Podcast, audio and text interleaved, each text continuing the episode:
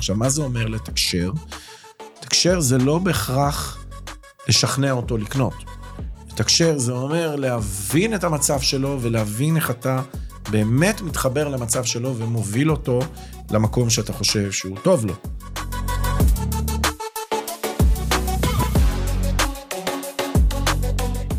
יש, מנו, איזה כיף לראות אותך כאן. שלום תהילה, נעים להתארח אצלך. איזה כיף. כן. אז קודם כל, תודה רבה שבאת, לא מובן מאליו. אה, מנו, מנו בן ארוש, ספר לנו קצת עליך, מה אתה עושה ביום-יום, למי שככה עוד איכשהו פספס. פספס, אוקיי, טוב, אז קודם כל אנחנו כבר נפגשנו כמה פעמים, גם ברשתות. אה, אני מנטור עסקי, יועץ עסקי. אה, הקמתי יחד עם, את, עם עידן וולר את אה, מועדון המעקה, ואת... אה, בפנים. זכינו בך, אני מקווה שגם את זכית בנו. זכיתי בכם, חד משמעית. אנחנו כבר רצים עם זה כמה שנים, זו תוכנית ליווי עסקית.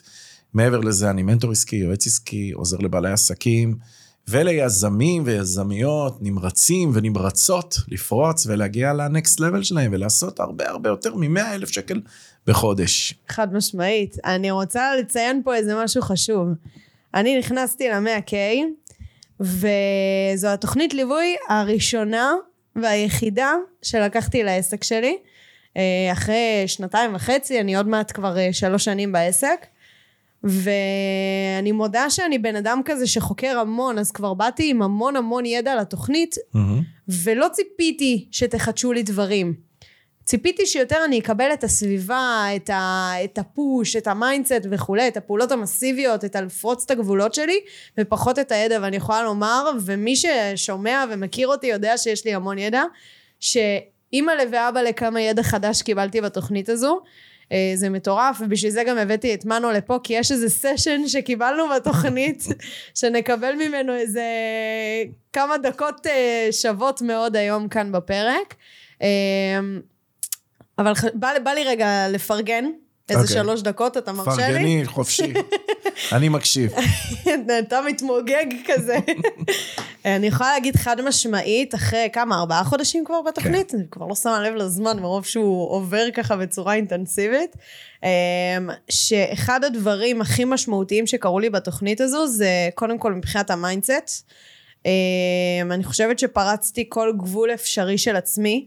בתוך התוכנית הזאת מהבחינה של ה mindset וגם מבחינת הפעולות. אני חושבת שתהילה שלפני התוכנית בחיים לא הייתה עושה כמות פעולות כזו, פעולות מסיביות, פעולות של, אני קוראת לזה יציאה מהארון, יציאה מאזור הנוחות, כאילו פעולות מאוד מאוד אה, אה, שדורשות גם מאמץ שהוא מנטלי וגם מאמץ שהוא אפילו טיפה פיזי.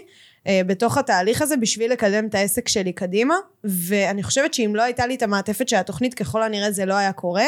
זה היה קורה הרבה יותר לאט זה לא היה קורה כמה דברים במקביל אה, וזה אחד הדברים הכי משמעותיים שיכולים לקרות ליזם כי אני יכולה להגיד שחד משמעית אחרי התוכנית אני עדיין אמשיך לפעול לפחות 90% באותה צורה. כמובן שזה אף פעם לא יהיה ב-100% כשלא נמצאים בתוך זה, אבל לפחות 90 אחוז באותה צורה בשביל לדחוף את עצמי קדימה, אז אני חושבת שזה קודם כל שאפו ענק, כן. שצריך תודה. לשים פה, אה, כי לגרום לקבוצה של יזמים לפעול בצורה כזו זה לא דבר פשוט. נכון.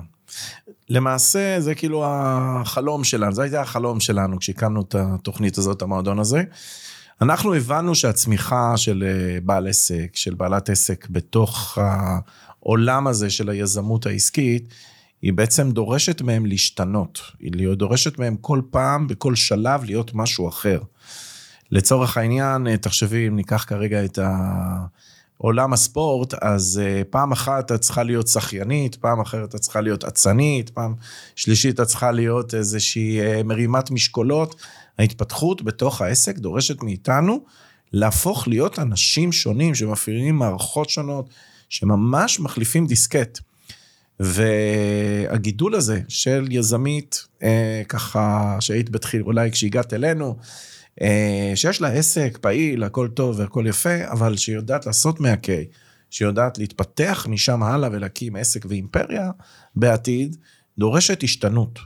וההשתנות הזאת, אי אפשר לעשות אותה, אלא אם כן באמת מכניסים את זה לסיר לחץ של תהליך קבוצתי, של פעילות אה, התפתחותית, של ידע, של תכנים שעובדים ביחד ויוצרים את ההשתנות הזאת. זה ממש צריך לעשות מכבש. אז זה היה ה vision שלנו, אני שמח שהגשמנו אותו איתך.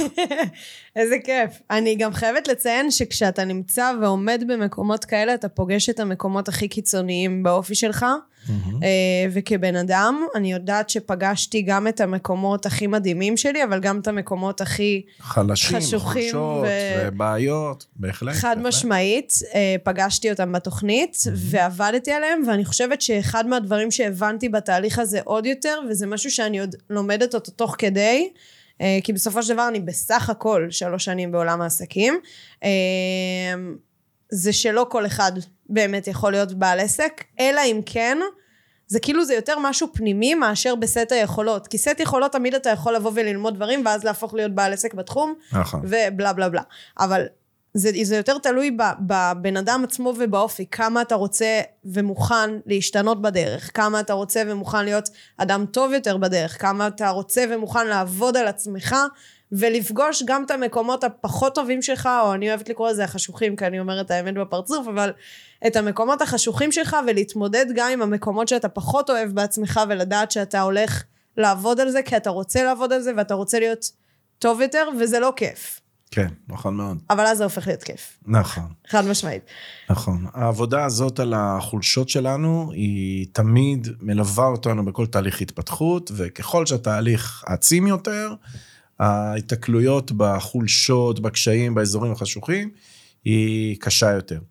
אבל פה אני מוכרח להגיד שזה, פה אני מקנא בך. משום שאני רואה בחורה צעירה, יזמית, בסך הכל שלוש שנים בעולם העסקים, ואני ממש מקנא בך וגם בדור שלך, בדור הצעיר, שיש לו הזדמנויות שבדור שלי לא היו, אף אחד לא העלה בדעתו ש... אה, בחורה בת, אני לא יודע כמה את, כן, אבל... 24. 24, אה, תתעסק עם פודקאסטים ועם קהילה ועם השפעה ועם אה, פיתוח מוצרים.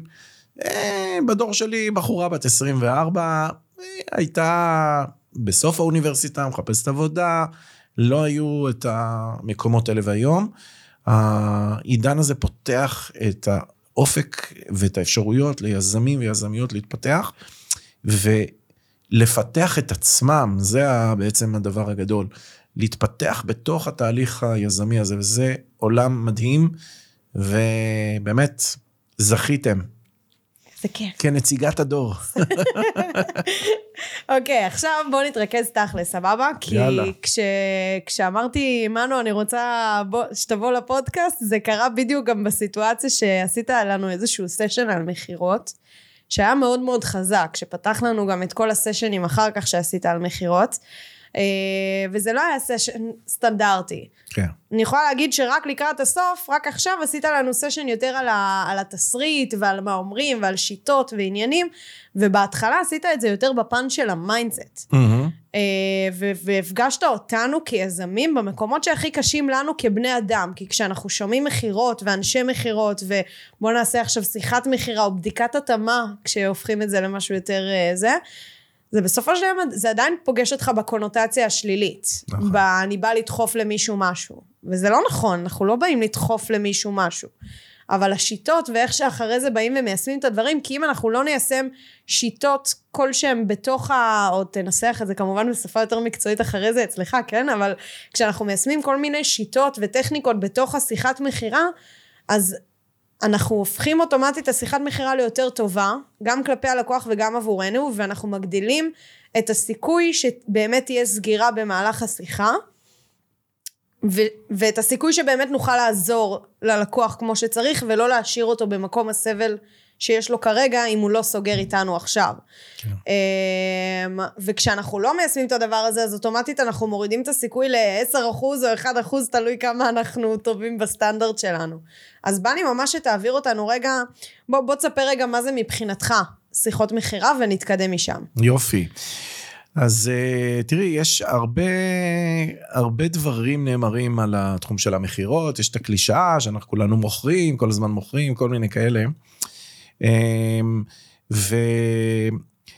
ובשבילי מכירות זה להיות אדם טוב יותר. להיות אדם טוב יותר, משום שבמכירה מה אני עושה בעצם? אני מעביר למישהו, אני משכנע מישהו, מוביל מישהו לקבל החלטה לרכישה, להשקיע זמן, אנרגיה, כסף, במשהו שהוא לא טבעי לו, הוא לא בא וביקש את זה, הוא לא בא וקנה את זה. אני עושה איתו תהליך ש... ומביא אותו לא... לאופן שבו הוא רוכש. זה בעצם התהליך של המכירה, אני מוביל אותו לשם. עכשיו, אני בא מעולמות שבהם אה, כשאני מוכר משהו, אני צריך להאמין בדבר הזה. אני צריך להאמין שזה באמת יעשה לבן אדם השני טוב. זה יביא אותו למקום טוב יותר. זאת אומרת, להיות, ל, ל, ל, למכור מבחינתי, זה להיות אדם טוב יותר. משום שאני מביא את הטוב שלי ליותר אנשים. וזה, כשמסתכלים על המכירות באופן הזה, כשמסתכלים על התהליך הזה באופן הזה, אז זה מוריד הרבה מהפרדיגמות שקיימות והאמונות שקיימות ביחס למכירות, שזה משהו שאתה דוחף למישהו, שזה משהו שאתה כאילו צריך לעשות טריקים כדי שהוא ייפול בפח ויקנה את זה. כל הדברים האלה לא שייכים, זה שייך במקומות שבהם אתה אה, לא מאמין או אתה לא מוכר את הדבר שאתה אה, רוצה אותו. אני יכול לספר לך סיפור ש... היה איזשהו שלב שכבר ידעתי למכור וידעתי כבר את העבודה הזאת, והייתי באיזשהו משבר כלכלי והייתי זקוק לכסף. פניתי לאיזשהו אה, אה, יזמית שהיה לה איזשהי מוצר בתחום ההשקעות, והיא אמרה לי, תשמע, המוצר הזה שווה, אני מוכרת אותו ב-50 אלף שקל, אני מביאה לך לידים, לך תמכור, כל ליד אתה תקבל, כל מכירה תקבל עשרת אלפים שקל. כבר ידעתי למכור, בד. אחלה עמלה, הייתי זקוק מאוד לכסף על זה, לא התעסקתי בלסדר את הלידים, וואלה, בוא נלך, נעשה את העבודה. והתחלתי לפגש עם אנשים, ואני נפגש, פגישה, ועוד פגישה, ועוד פגישה, ואני לא סוגר כלום. וכבר יו. ידעתי לסגור, והייתי באמת זקוק לכסף, וידעתי לסגור, וידעתי למכור, ואני לא סוגר. איך אחרי... הרגשת? הרגשתי רע. הרגשתי, התחיל להתערער לי הביטחון העצמי, אמרתי, רגע, אולי אני איזה אה, פייק כזה, מה אני מספר לכולם שאני יודע למכור, אולי אני לא יודע למכור כלום. ו, ובעיקר הייתי גם באותו זמן מאוד מאוד לחוץ. אה, לא היה לי, אה, הייתי זקוק לכסף הזה. יש לך איזה משהו כזה כאן מאחורי הראש. כן, הייתי חייב, כל יום יצאתי עכשיו, יצאתי לפגישות, היו פגישות פיזיות. והיו מסדרים לי איזה חמש פגישות, חמש פגישות, כל פגישה שעה, הייתי מראה את המוצר ומוכר וזה וזה, לא סוגר כלום. ואז התיישבתי עם עצמי ואמרתי, מנו, מה קורה פה? קראתי לעצמי לשיחה. שיחה עם ההנהלה. עם המנהל. כן. אני, מנו, מה קורה פה? איך זה יכול להיות שאתה הולך לפגישות, לפגישות אתה לא סוגר כלום? אז אמרתי, שאלתי את עצמי, רגע, תגיד, מה אתה חושב על המוצר ביני לבין עצמי? אז אמרתי לעצמי, אני חושב שהמוצר הזה הוא סכם. אני חושב שהמוצר הזה הוא לא משהו מבטיח.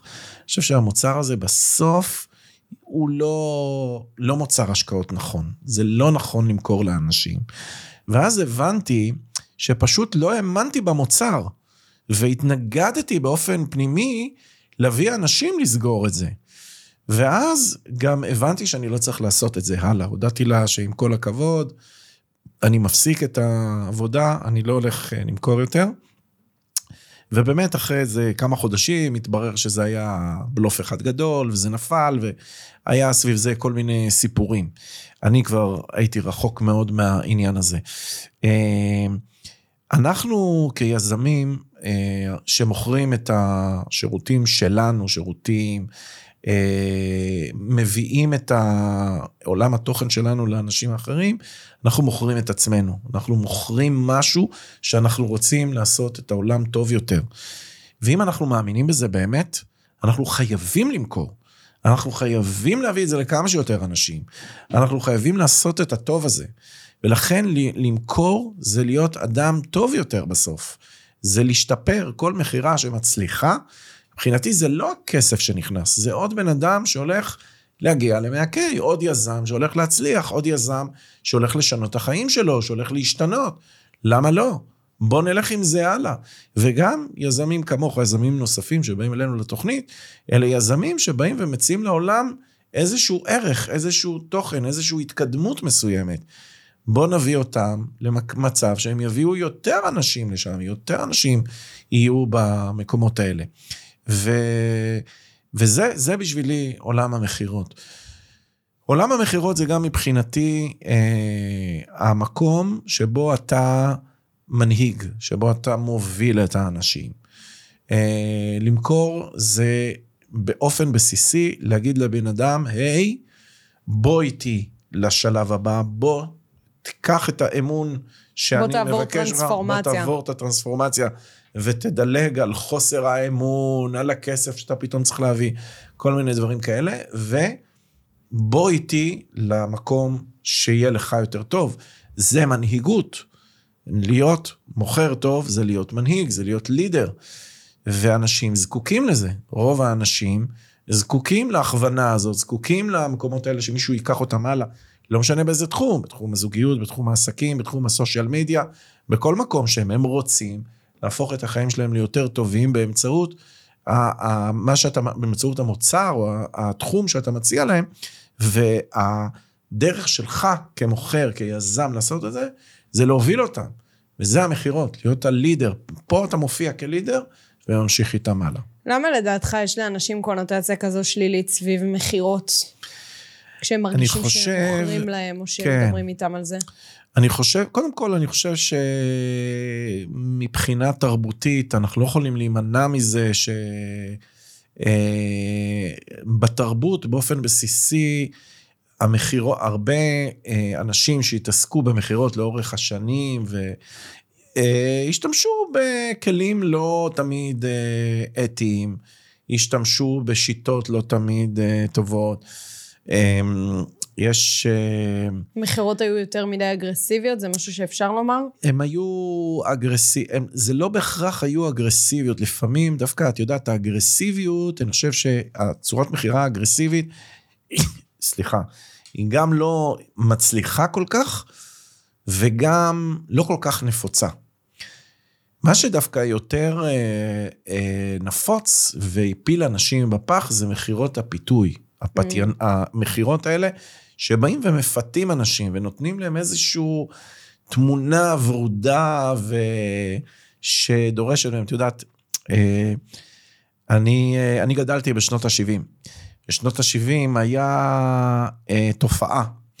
האנשים באותם, באותם, באותו, באותם שנים לא נסעו לחו"ל כמו היום. את בטח כבר בגילך הספקת לטייל כן. בחצי עולם, פחות או יותר. שתביני, אני עוד uh, בתור ילד נסעתי עם ההורים שלי לשליחות, אז זכיתי לזה. אני חושב שבני גילי, אולי כשהם היו בני 25, 30, נסעו פעם ראשונה לחוץ לארץ. אני הגעתי לארה"ב בגיל 40 בפעם הראשונה. אה, ואנשים היום מבחינתם לקנות uh, כרטיס ולנסוע היום, הילדים שלי בני, ילד שלי בן 17 כבר נוסע לאמסטרדם לבד. יש לו ו- נוסע מתמיד. כן. עכשיו, אה, אנשים לא כל כך נסעו לחופשות, היה בתי הבראה, דברים כאלה. ואחד ה... ואז פתאום קמה להם אה, אה, חברה שקראו לה קלאב הוטל, קוראים לה עדיין כנראה קלאב הוטל, והיא הייתה חברה עולמית והציעה לאנשים אה, מוצר שנקרא time sharing, כלומר, אתה קנית יחידת, קנית חלק מיחידת נופש, היו אה, מלון באילת ומלון בטבריה, אה, ובעוד כל מיני מקומ- מקומות בעולם, וזה היה טרנד לא נורמלי באמצע, סוף שנות ה-70. הם היו עושים כנסים, ולוקחים אנשים, מביאים אנשים, וממש מפתים אותם. ומוכרים להם את החלום שיהיה להם יחידת נופש משלם, שהם יהיו בעלים. של יחידת נופש. וזה היה, ועד היום יש אנשים שתקועים עם יחידות נופש כאלה, שאין להם אה, מה לעשות, או שזה לא ברמה אה, טובה, אבל השיטות המכירה, אז היה הפעם הראשונה שראיתי, שהשתמשו בשיטות מכירה של פיתוי שגרמו לאנשים אה, להיסחף עם החלום, עם, ה, עם הרצון שלהם להיות אנשי העולם הגדול. והחתימו אותם על מלא מלא מלא מסמכים וזה, ובסוף הם נתקעו עם מוצר שהיה מוצר לא טוב, בסופו של דבר. זה כשל, המוצר לא טוב, אנשים לא מרוצים, ועד היום יש אנשים שתקועים עם הדבר הזה ולא יודעים וואו. כל כך מה לעשות איתו. אני חושב שהשם הרע של עולם המכירות זה בא יותר, מה, יותר מאגרסיבי, כי הרבה אנשים כשהם נתקלים באגרסיה יכולים להגיד, טוב, אני קם והולך, שלום.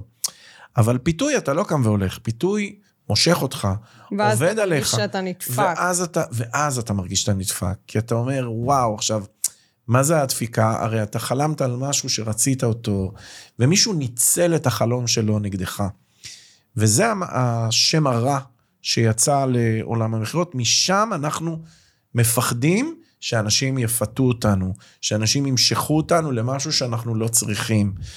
אה, ולא שיעשו לנו איזה משהו אגרסיבי וידחפו אותנו. רובנו, אני חושב, לא חווים כי את, ה, את הדברים האלה כבר היום. גם היום זה פחות, אה, זה לא עובד.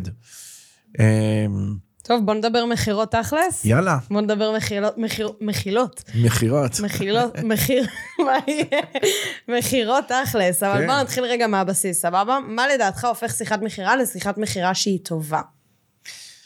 אה, אז אני, אני מתחבר באמת לבסיס. הבסיס הוא הנוכחות של המוכר. Mm, מעניין, של תמיד. אומרים תקשורת כזה, כן, זה כן. הנוכחות של המוכר. לא, אוקיי. זה מתחיל קודם כל בזה שהמוכר נוכח בכל... רמ"ח בכל איבריו. רמ"ח איברך בשיחה. והוא שם, הוא שם כדי לתקשר, כדי להיות פתוח לבן אדם, כדי... והוא שם גם עם כל הלב וכל האינטגריטי שלו, גם במקום שבו הוא יכול לראות שפתאום המוצר שלו לא מתאים לאדם שמולו, ולקום ולהגיד לו, תשמע, זה לא בשבילך, בוא נסיים פה, אני לא רוצה להציע לך את המוצר שלי, זה לא מוצר שיעזור לך, זה לא מוצר. זאת אומרת, הוא נמצא שם בנוכחות, באינטגריטי שלו, והוא מוכן לעשות את התקשורת שלו ואת העבודה שלו עם הבן אדם השני. זה, ה, זה המתכון לשיחת מכירה אה, טובה. אה, מה גורם לבן אדם לבוא ולהיכנס לשיחת מכירה ולהיות באמת נוכח? מה לדעתך הקריטריונים שזה יקרה? אמ, הוא צריך, אה, כמו שאמרתי קודם כל, גם, הוא- הבסיס, צריך להאמין במה שהוא מוכר, הוא במוצר. צריך להיות מוכן הוא לרצות להשפיע את זה, להביא את זה לעוד אחרים. אה, הוא לא יכול לבוא ולהגיד, טוב, אני אעשה את הטקסט הזה ואני אלך הלאה. אה, הוא צריך להיות ממש מוכוון לזה, זה קריטריונים שהוא מכין את עצמו. והוא צריך אה, להיות במצב שהוא מתקשר, הוא מוכן לתקשר עם הבן אדם השני. עכשיו, מה זה אומר לתקשר? לתקשר זה לא בהכרח לשכנע אותו לקנות. לתקשר זה אומר להבין את המצב שלו ולהבין איך אתה באמת מתחבר למצב שלו ומוביל אותו למקום שאתה חושב שהוא טוב לו. כן. אה, אז מוכן לתקשורת הזאת, זו תקשורת, זה חייב להיות משהו דו-סטרי.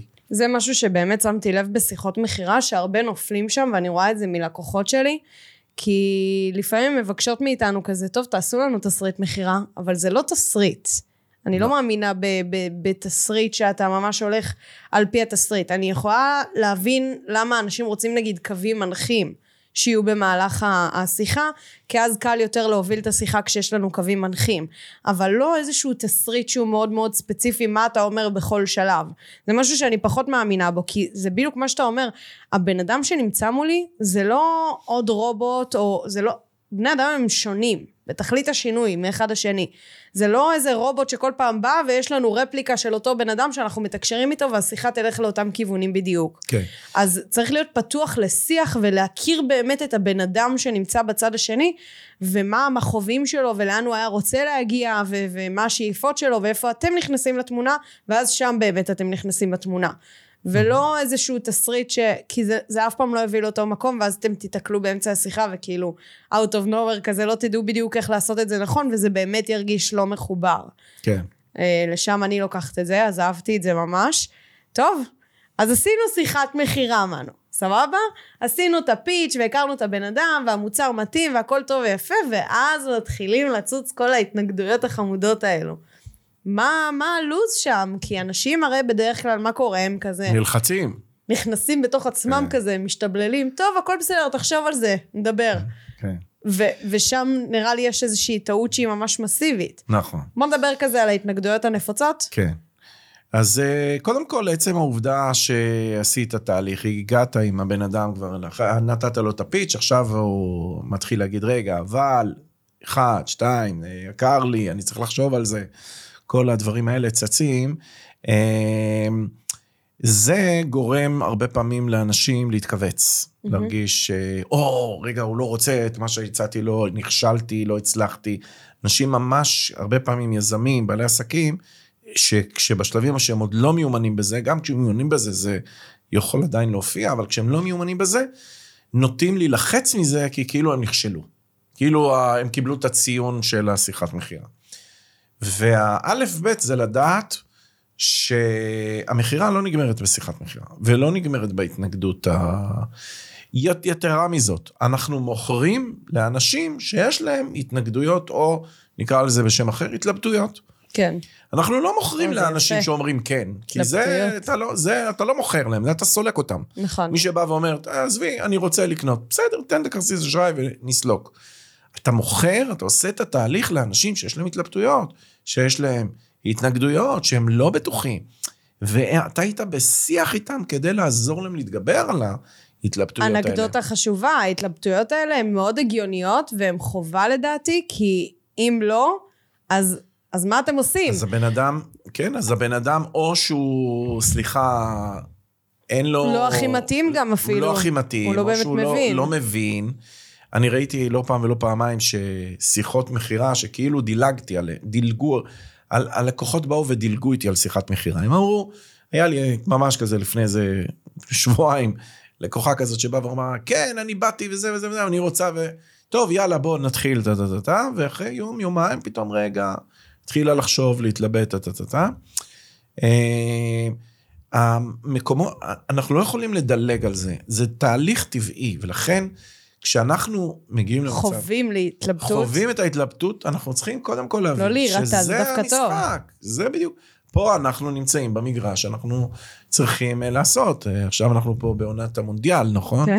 אז אה, זה כמו שחקן כדורגל שירוץ במגרש, פתאום יבוא שחקן אחר וייעצר, כאילו יחסום יעמוד אותו, מולו. ואז הוא יגיד, טוב, הוא חוסם אותי, אני לא יכול לשחק. כן. מה זאת אומרת? זה המשחק. יש לך התנגדויות, ואתה צריך עכשיו לראות איך אתה עוקף אותם. זה המשחק. אז קודם כל, להבין, הדבר הראשון שרואים את ההתנגדות, זה להבין שזה חלק מהמשחק. באנו למקום שאנחנו צריכים לשחק איתו. הדבר גם הש- אהבתי את זה, סליחה שאני קוטעת אותך, אבל ממש אהבתי את זה שאתה מסתכל על זה בתור משחק, וזה כן. פתאום הופך לאנרגיה חיובית, נכון. למשהו שהוא כיפי, למשהו שאתה בא ומתנסה ופועל ו- וטועה ולומד, ואהבתי את זה ממש, ולא ממקום של בוא, בוא נעבוד על האופי שלנו בתוך זה, אלא בוא נשחק ונלמד תוך כדי. לגמרי. מבחינתי, אני גם אמרתי לכם את זה בהדרכה, אם יש לי מכירה שאין בה התנגדויות, זה כאילו, זה מבאס אותי. כן. כי הבן אדם בא, מה, כאילו, אני, אני בא כדי... כי בהתלבטויות, בהתנגדויות, אני מתקשר איתו, אני מבין אותו, אני מעמיק את ההבנה שלי. אני מבין איפה הוא נמצא, אני מציע לו את הפתרונות, אני מתאים לו את הדברים. אני מסביר לו את זה בצורה שהוא יכול לקבל, שהוא, שהוא יכול... הקשר שלנו נהיה קשר עמוק יותר, קשר משמעותי יותר בדרך ההתנגדויות. דרך ההתנגדויות סלאש התלבטויות, תלוי איך אה, נרצה לקרוא לזה באותו רגע.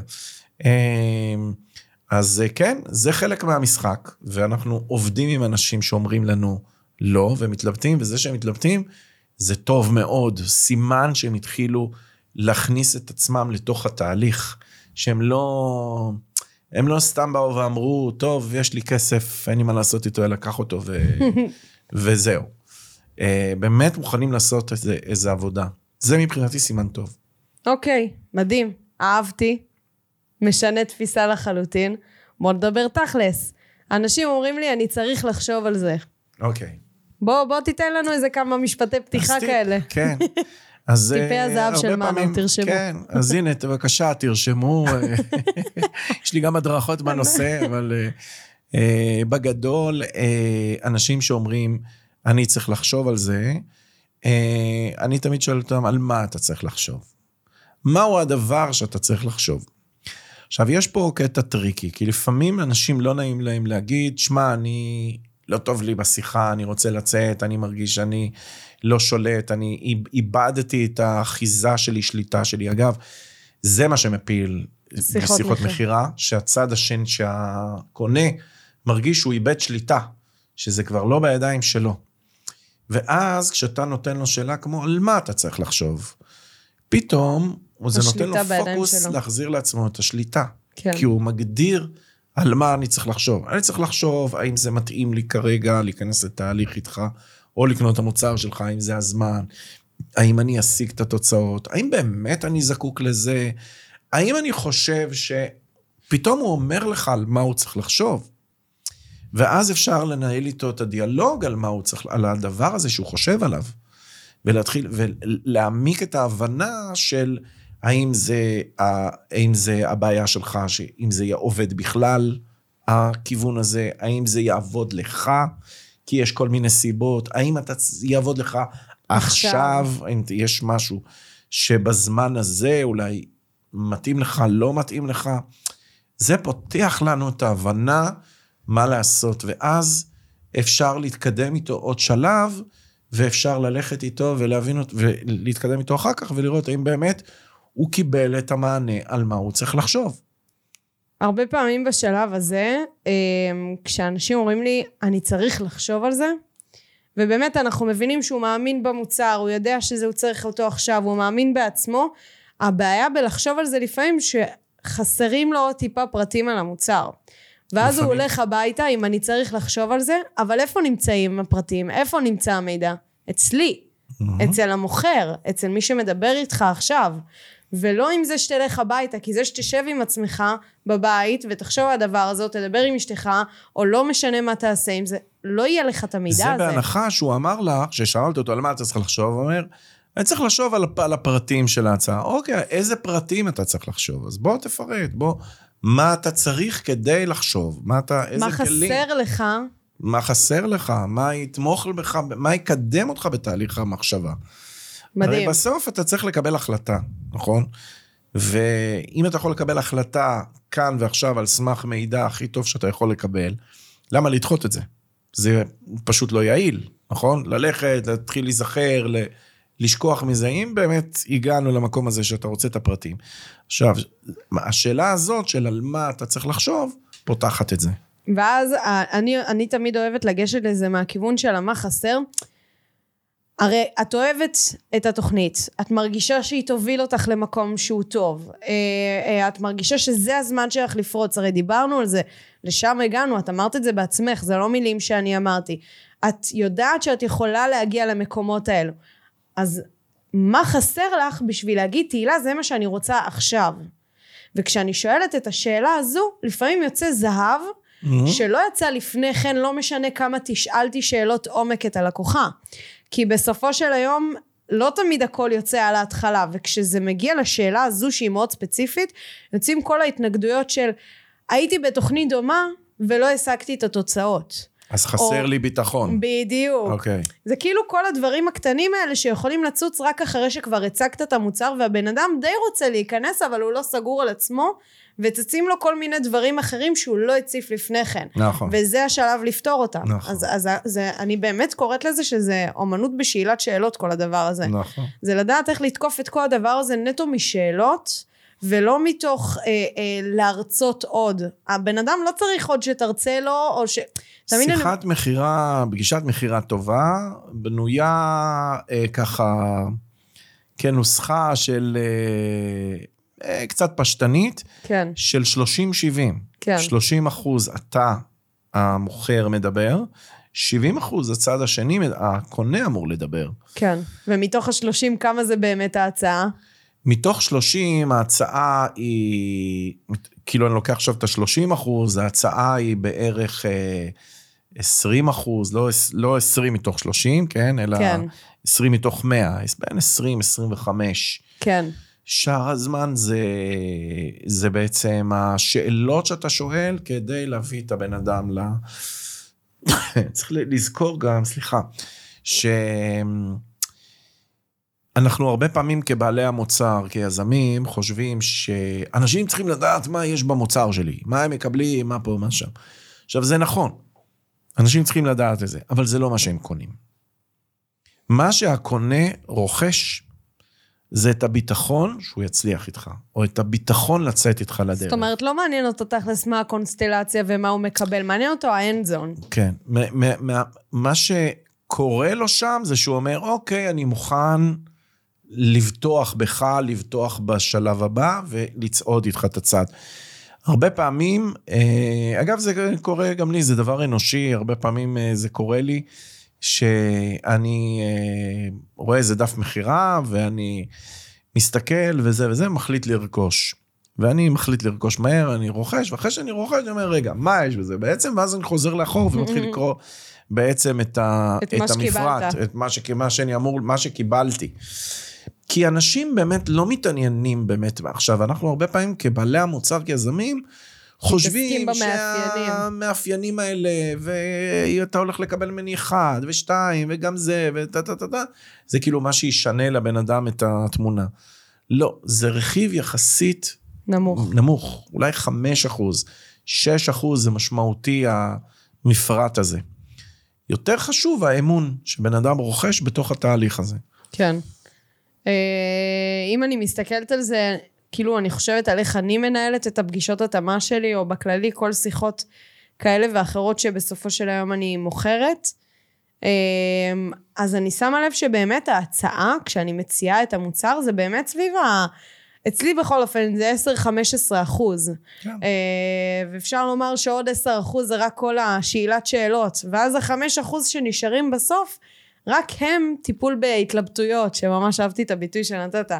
רק הם טיפול בהתלבטויות. למה? כי השקעתי מאוד בשאלת שאלות, השאלות העומק, שקורה שבסוף ההתלבטויות הן מאוד, הן חלק מאוד מאוד קטן מהשיחה, מהמם. בסופו של היום. כן.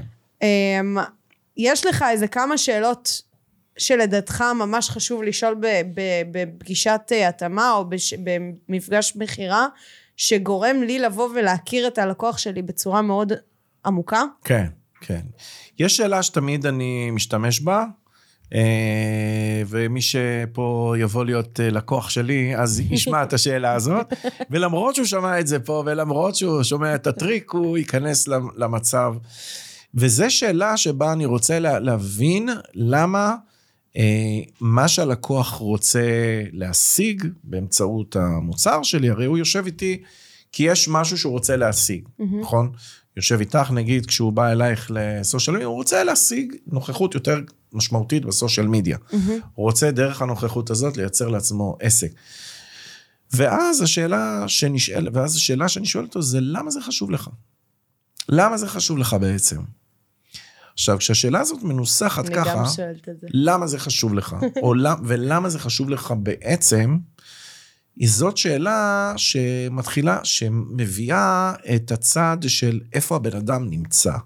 למה זה, מה, מה איפה זה החשיבות שלו. פוגש אותו? לא, אוקיי, אני רוצה עסק, אני צריך, אני רוצה שיהיה לי לקוחות וכסף, טה טה טה טה. טוב, אבל למה זה חשוב לך? וכשאתה שואל שאלה למה זה חשוב, אז אתה מעביר את הבן אדם למישורים של הערכים שלהם בחיים. כי מה זה חשוב? מה חשוב לנו בחיים? חשוב לנו בחיים הערכים שלנו כבני אדם. נכון? חשוב לנו חופש, חשוב לנו ביטחון, חשוב לנו משפחה, חשוב לנו... זה הדברים שחשובים לנו. לא חשוב לי המצבור של שקלים באיזשהו מקום. זה כשלעצמו לא, אין לו חשיבות. חש... החשיבות זה מהו הדבר שזה מאפשר לי. זה הדבר שחשוב לי. אז השאלה הזאת פותחת לי את המקום הזה. אהבתי שהבאת את זה מהמקום הפסיכולוגי. אני, כשאני שאלתי את השאלה הזאת, שאלתי את זה יותר מכיוון של רגע להכיר את הלקוחה, להבין שנייה מה היא עושה, אה, האם היא באמת בכלל אוהבת את מה שהיא עושה, או, או כמו שאמרת, אם היא לא עושה את זה כאילו נטו כי היא אומרת, טוב, אני רוצה לעשות יותר כסף או משהו כזה, שזה גם סבבה, כן? אבל אם היא מבינה את הדרך של הדבר הזה ומה זה דורש ממנה, אני רוצה לדעת שזה חשוב לה. כי אם זה לא חשוב לה, היא לא תבוא ותשקיע בתוכנית נכון. ליווי. נכון. כי היא אומרת, רגע, אבל לא, למה אני צריכה את זה עכשיו בכלל? אז אם זה לא חשוב לה, היא בכלל לא תהיה פה. נכון, היא בכלל לא אפשר- תרכוש. ואז הרבה פעמים, אם את שואלת את השאלה הזאת, ואת כבר בשלבים האלה, ואת מבינה שלבן אדם זה לא חשוב, או שזה לא נמצא בדרגת חשיבות ששו... אז את יכולה לחסוך לעצמך את המאמץ. ולחסוך לה. וגם לה את את הבזבוז זמן. הזמן והכסף כן, גם אולי. כן, יכול להיות שאפשר פשוט לבוא ולהגיד, טוב, אז אם כרגע זה לא נמצא אצלך בראש, בחשיבות של משהו שישנה לך כרגע את החיים, אז זה לא זה רלוונטי. זה לא רלוונטי. ואז זה בסדר, בואי ניפרד כידידים ונמשיך הלאה כל אחד בדרכו, אולי בעתיד ניפגש. מדויק. ואז אני לא צריך לחוות את זה שאני עושה פגישה וזה, ואני מנסה למכור, טה טה טה טה. ובסוף אני לא מצליח ואני מתבאס על זה שהיה לי ליד ולא סגרתי אותו. למה? זה לא למה תלוי אני צריך בך. לעבור את זה? כן, תלוי אם, בו. אם אין שם תנאים להבשלה, אז לא צריך להילחם בזה.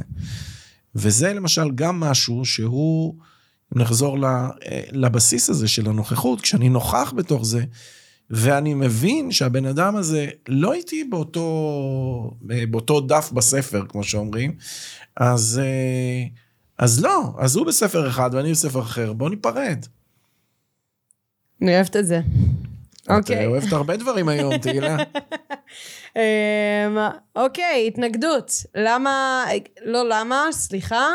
טוב, אני אחזור אליך, ואז מתוך אני אחזור אליך, אתה אומר, אוקיי, למה אתה צריך לחזור אליי? כאילו, מה... למה לא עכשיו? כאילו, מה, מה קורה? בוא דבר איתי, מה אתה חושב על המוצר?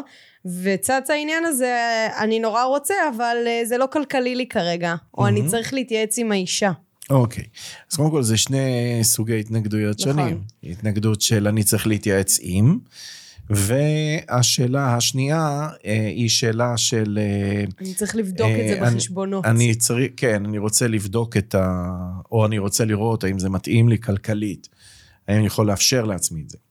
אה, אז בואו נטפל בשני הדברים האלה בנ- בנפרד. הסיפור של אני צריך לבדוק את זה מבחינה כלכלית, הרבה פעמים מופיע בצורה של זה, זה גם התנגדות יקר לי. מהמם. זה מה שתמיד אה, כל בעולם המכירות מדברים, איך עוברים את היקר לי, היקר לי, זה נתפס כמו איזה...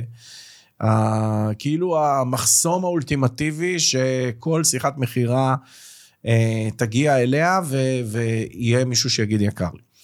אז אני רוצה להגיד לך שאני מוכר בסכומים מאוד מאוד גבוהים, את יודעת את הסכומים שאני נכון. מוכר בהם.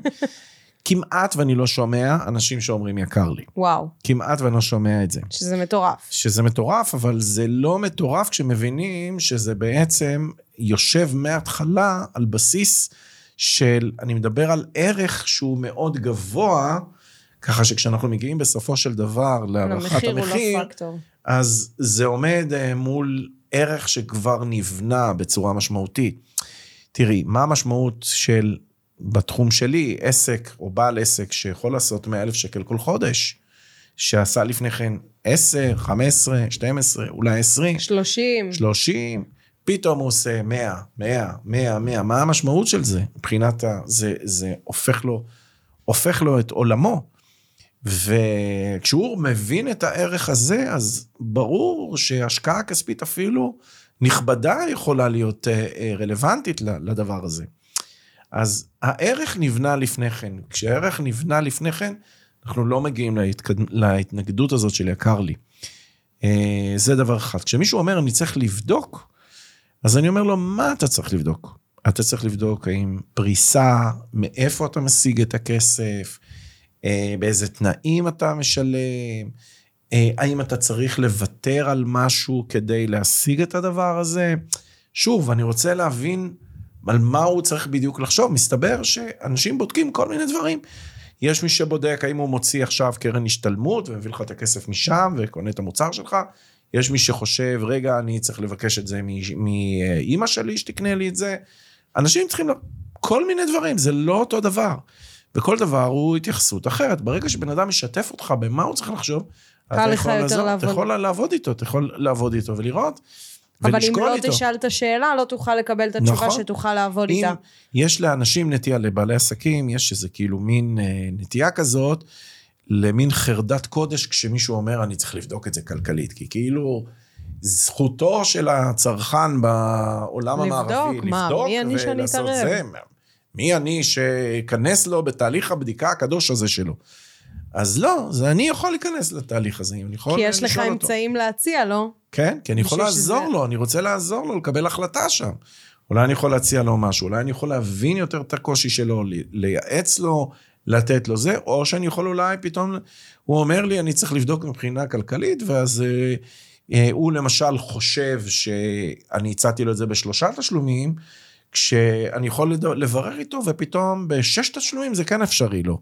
בשלוש לא. אז זה נותן גם לי הזדמנות כבעל עסק או מוכר לבוא ולהגיד, אז בואו נעשה את זה בשישה תשלומים, במקום שלוש. יכול כאילו נוותר פה, אני לא מוותר על המחיר, אני לא מוותר על זה, אני מוותר על איזה תנאי תשלום, תשלומים. אבל אני סוגר עסקה במקום. אבל אני יכול, יכול, אה, יכול בעצם פה, אה, אני מבין עם, עם מה אני מתמודד. אז זה לגבי הכסף. מהי ההתנגדות השנייה? שאני צריך להתייעץ עם אשתי. אני צריך להתייעץ עם אשתי. אז אה, איך הוא אמר את זה? אני צריך שנקרא- להתייעץ עם אשתי. חבל שאשתי לא אומרת אני צריכה להתייעץ עם בעלי. זה אני פחות שומע ממנה. אה, בכל אופן כשאני מסתכל על החשבונות אז אה, קצת חבל אבל אה, כן אני צריך להתייעץ עם אשתי או אני צריך להתייעץ עם מישהו אחר. גם פה אני רוצה לברר על מה אתה רוצה להתייעץ. מהו בעצם הדבר שאתה רוצה להתייעץ איתו. זה מקומות שאנחנו צריכים ל- ל- שאנחנו כאילו, יש פה איזה הרמת מסך על תהליך קבלת ההחלטות של הבן אדם. האם הוא זקוק ל... האם הוא החליט והוא זקוק לאישור של אשתו, והיא כאילו רק חותמת? האם היא בעצם מקבלת את ההחלטות, והוא פה רק אוסף מידע, והיא עבורה. זאת שהיא צריכה לקבל את ההחלטות בסופו של דבר? זה קורה יותר אה, הפוך. בדרך כלל הרבה פעמים אה, אנחנו מוצאים שכשנשים באות, לא, בתח... לא בעולם, ה- לא בתחום העסקי, אגב, בתחומים שלי ושלך פחות נראה את זה, אבל אנשים שבאים ל... נגיד לטיפ... ל... ב... ב... בתעשייה, בתחומי B2C. הייעוץ אה, כן. זוגי או ייעוץ משפחתי, כל התחומים האלה, הרבה פעמים נשים באות, מתעניינות, ואז הן אומרות, אני צריכה... לדבר ל- עם בעלי. לדבר עם בעלי, שבעצם הוא זה שמקבל החלטות. זה קורה לא מעט. לצערנו, ב- כן? כן, אבל זה, אבל זה המציאות, הרבה פעמים, המציאות הצרכנית. כן. זה, אה, זה מה שקורה. אז שם, הרבה פעמים, זה מרים לנו מסך בפני אנשים שדרך קבלת ההחלטה שלהם זה שמישהו אחר מקבל את ההחלטה. מהמם. והם באו רק לאסוף מידע. אבל לפעמים אנחנו, ואז, שוב, כשאני שואל את השאלה, איך אתם מקבלים החלטות? איך עובד המנגנון הזה? מה אתה בדיוק צריך ל- ל- ל- לזה? ואני גם אוהב אה, לשאול את השאלה מיד. נניח שאשתך או. בעלך אומרת לך על הכל, כל מה שאתה רוצה, כן, אני מסכימה. Mm. אתה היית סוגר איתי כאן ועכשיו. ואז לפי התשובה אני מבין איפה הבן אדם, אה, איפה הוא נמצא. כי אם הוא אומר לי, כן, הייתי סוגר כאן ועכשיו, אז אני יודע שהוא הולך, הוא הולך עכשיו לסגור לבן את זה מולה. הזוג שלו כדי לסגור איתו. אז אני אעזור לו, ניתן לו את הכלים, את הידע, כדי... כשבן אדם כבר סגור על זה והולך כרגע להביא את הבן זוג שלו, אז הוא מן הסתם גם ימצא את הדרך, את הדרכים שלו, איך להשפיע עליו. אה, ואם הוא אומר לי, לא, אני לא סגור על זה, אז אה, פה נפתחת ה... אה, פה זה בעצם פותח לי את ההזדמנות להבין איפה, מה חסר לו. כמו שאת שאלת אותו קודם. נכון, מה חסר חסר לך? לך מה חסר לך כדי עכשיו? לסגור את זה כאן ועכשיו? חזק. חזק ממש. אז חיברנו את השאלה שלך עם השאלה שלי. כן.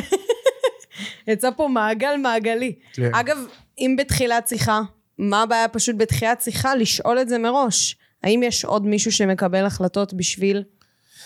אה, זה נכון, אפשר, זה, זה, אני אגיד לך מתי עושים את זה, מתי חייבים לעשות את זה, כשמוכרים לארגונים. Mm, כשאתה מוכר לארגונים, יכול להופיע לך מישהו ולהגיד, שמע, אני מתעניין לארגון זה וזה. שם, כשזה מישהו בא מארגון, אתה מיד צריך לשאול, רגע, מי מקבל החלטות? החלטות?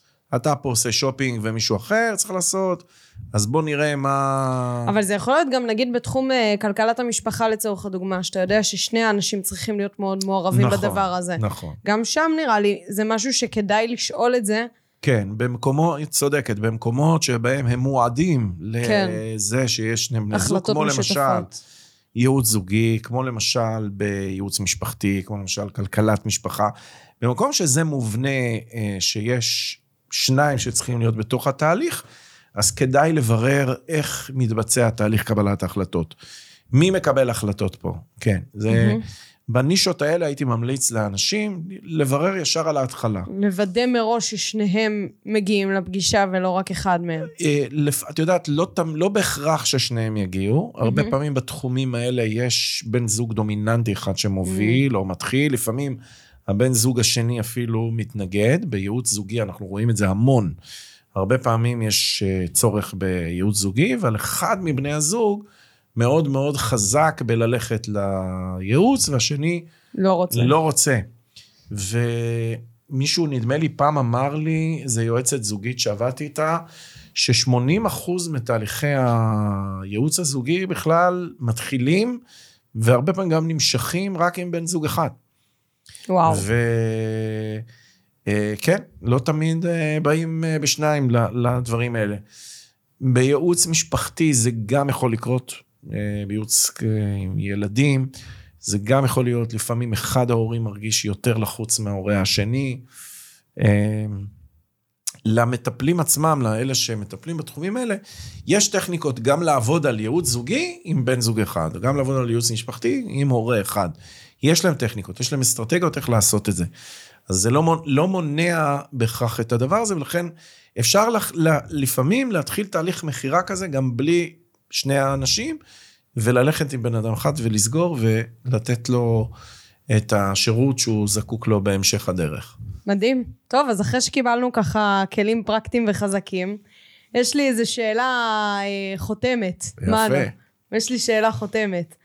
אה, יותר בנושא הזה, אבל רגע עדיין בקטע של המכירות, של אנחנו, המוכרים, מה הקושי המנטלי שבעיקר אנחנו פוגשים בו כשאנחנו ניגשים לשיחת מכירה?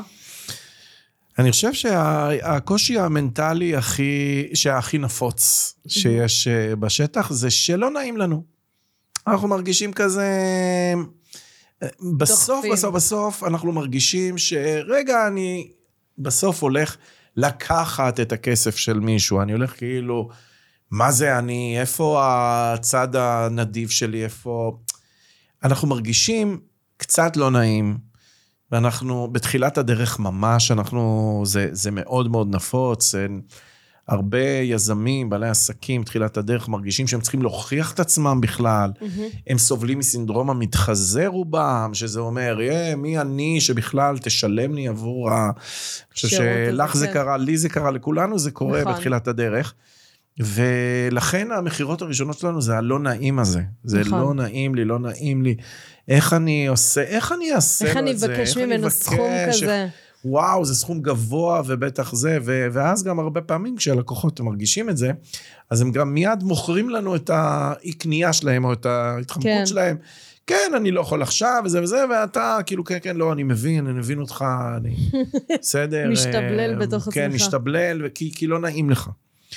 אה, זה דבר שצריך להתאמן עליו. כמו שאמרתי מההתחלה, אתה צריך להבין שאתה ממש צריך להפוך את הפרדיגמה ולהבין, אני מוכר, משמע אני אדם טוב יותר.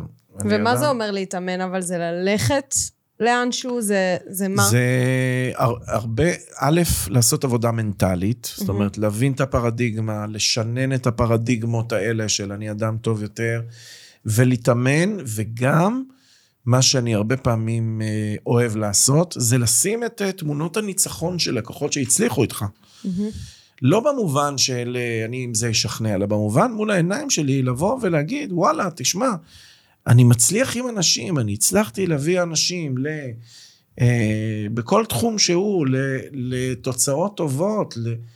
אז הנה, האנשים האלה, זה הסיבה שאני רוצה, לא רק שתהילה תהיה פה, אלא שיהיו עוד עשר תהילות כאלה, כדי שעוד אנשים תהילה. יגיעו לשם, כן?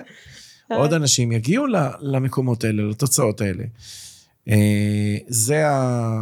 זה הדרך. אני יכולה להמליץ מהמקום האישי שלי, שאחד הדברים שעזרו לי לפרוץ את העולם הזה, קודם כל זה גם אה, שאני הולכת והלכתי להמון כנסים של מכירות, אה, שאני כל הזמן העשרתי את עצמי בתחום הזה.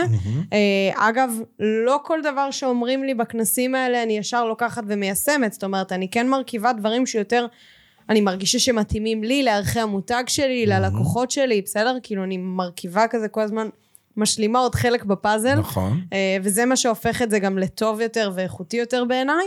אה, אימונים מנטליים, להתאמן על זה, חד משמעית. אחד מהדברים שאני עובדת עליהם עם הקואוצ'ר שלי, בין היתר, זה גם העניינים האלה של מכירות. נכון. לפצח יותר את החסמים המנטליים שיש בתוכי, כי זה החסמים המנטליים בדרך כלל שהלקוח שלי מציף. נכון. אה, זה מהבחינה הזו, אז ככה המלצה. ומנו, שאלה אחרונה חביבה, אבל. יאללה. אחרונה חביבה.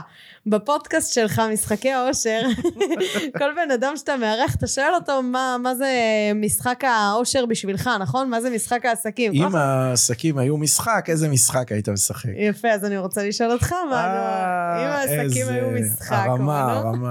יפה, יפה. איזה משחק היית משחק? אז אה, אני אענה לך, אה, אני אענה לך אה, תשובה אה, עם כמה חלקים. אה, תמיד הוא מביא עם זה חלקים, זה כמו קטן כזה אצלו. זהו. אז אה, פעם המשחק ש... א', זה מתפתח. אבל אני למדתי בשנים האחרונות שאני אה, משחק בשלוש רמות. יש את הרמה שאני משחק, אה, שזה הרמה שהתחלתי איתה, ש... של תופסת. דימיתי את עולם העסקים לתופסת, ומבחינתי זה היה איזה משהו מאוד כזה כיפי כזה, שאתה רודף אחרי אנשים וזה, וזה מאוד...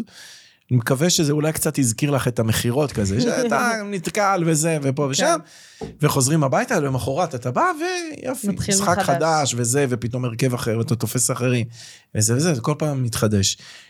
כשהתחלתי לעשות את, ה, את הדבר הזה, הייתי שם.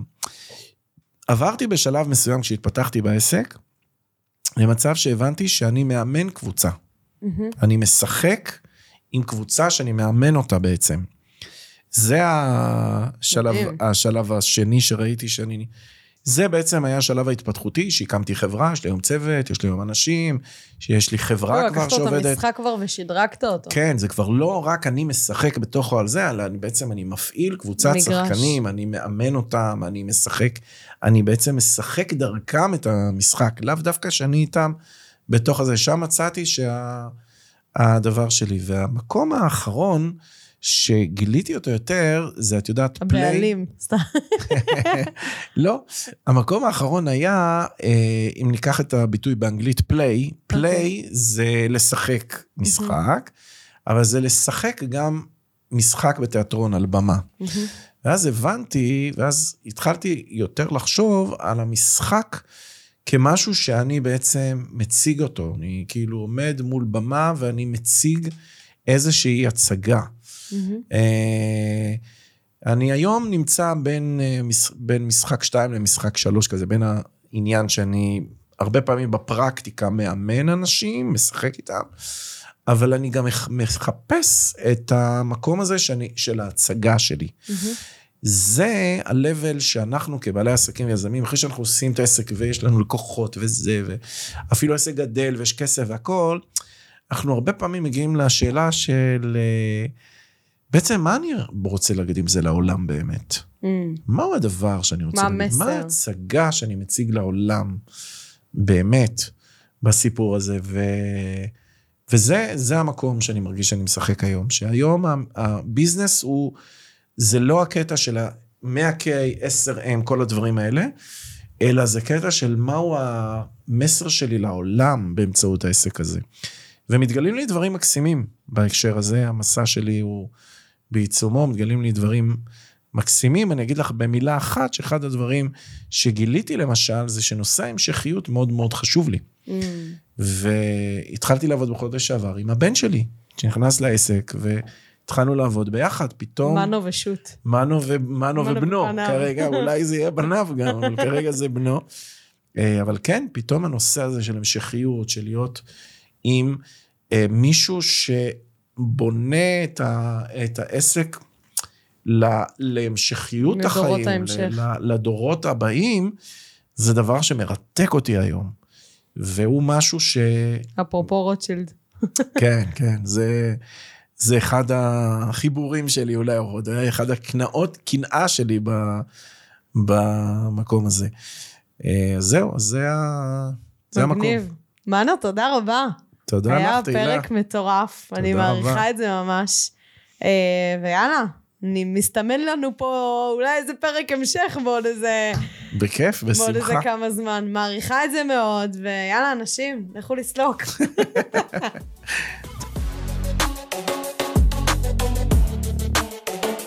אז זהו חברים, תודה רבה שהאזנתם לפרק שלי. אם יש לכם שאלות או כל דבר, ובכללי אתם רוצים להעיף את העסק שלכם למעלה וללמוד עוד ועוד על עולם העסקים הצומח ועולם השיווק הדיגיטלי, אתם מוזמנים לעקוב אחריי באינסטגרם, קוראים לי שם דיגיטילי בתף ועם רווח, בסדר? תמצאו אותי, אל תדאגו. ממש על ההתחלה. מוזמנים לדרג את הפרק הזה חמישה כוכבים, אני יותר מאשמח, זה יעשה לי שמח בלב, ובכללי, זה יתרום לי להעיף את העסק שלכם עוד יותר למעלה ולהביא לכם לכאן אנשים חזקים שייתנו לכם עוד ערך ועוד מידע וזהו, נתראה בפרק הבא.